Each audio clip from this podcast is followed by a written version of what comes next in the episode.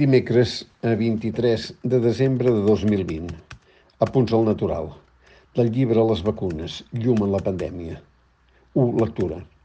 Una de les bones notícies que també n'hi ha d'aquest any empastifat ha estat la resistència del llibre de paper. Semblava destinat a ser engolit per l'edició digital i de moment aguanta. En una situació extrema com el confinament total de març, prou gent se'l va fer portar a casa. Quan han tornat les llibreries s'ha demostrat que n'hi havia ganes.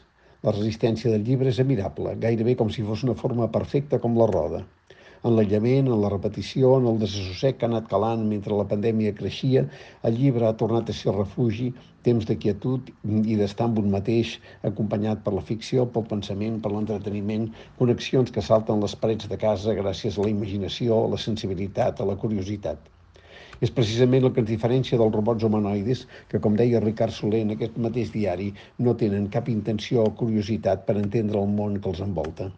El llibre, doncs, com modesta icona d'una humanitat que continua. Aquest llibre en paper que no tingui llibre electrònic probablement té a veure amb les fragilitats humanes, el valor d'allò tangible. I en moments de distanciament, tocar un llibre, posar-te a la falda, pot ser gairebé una sublimació de les carícies que manquen. 2. Reconeixement. Si la medicina clínica ha tingut dificultats per afrontar la pandèmia, en part per decisions polítiques que l'han debilitat els últims anys, de la investigació ve una gran notícia. Les vacunes han arribat en temps de rècord demostrant que quan s'hi posen diners i voluntats hi ha instruments per anar lluny i capacitat d'avançar sense extraviar-nos. Si alguna cosa hem constatat aquests dies és la desgràcia de ser condemnat a la solitud que han patit els malalts, els malalts greus, però també la gent que ha hagut de sobreviure aïllada. Per tant, desconfinem el futur per fer-ho des de la nostra complexitat i no des de la freda simplicitat de la cultura de les dades, en què en nom de l'estadística tota singularitat perd el rostre. El que és un instrument de coneixement útil no es pot convertir en font de legitimitat de les decisions que es prenen perquè va contra el més essencial, les necessitats humanes, el reconeixement. En una paraula, ha faltat cultura de la cura i, en conseqüència, s'ha limitat tota estratègia al cop d'autoritat emparat en la por. Precisament perquè hem patit una prova accelerada de la nostra vulnerabilitat, cal construir mecanismes de confiança, i això és el que ha fallat gairebé arreu. Deia l'epidemòleg Adam Kucharski que el món es dividirà en dues meitats segons com cada país hagi sabut controlar la pandèmia. De moment, la divisió és alarmant. Guanya Xina.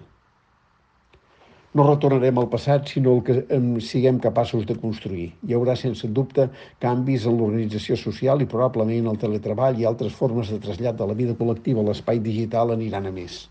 Tanmateix, no ens oblidem de la condició humana.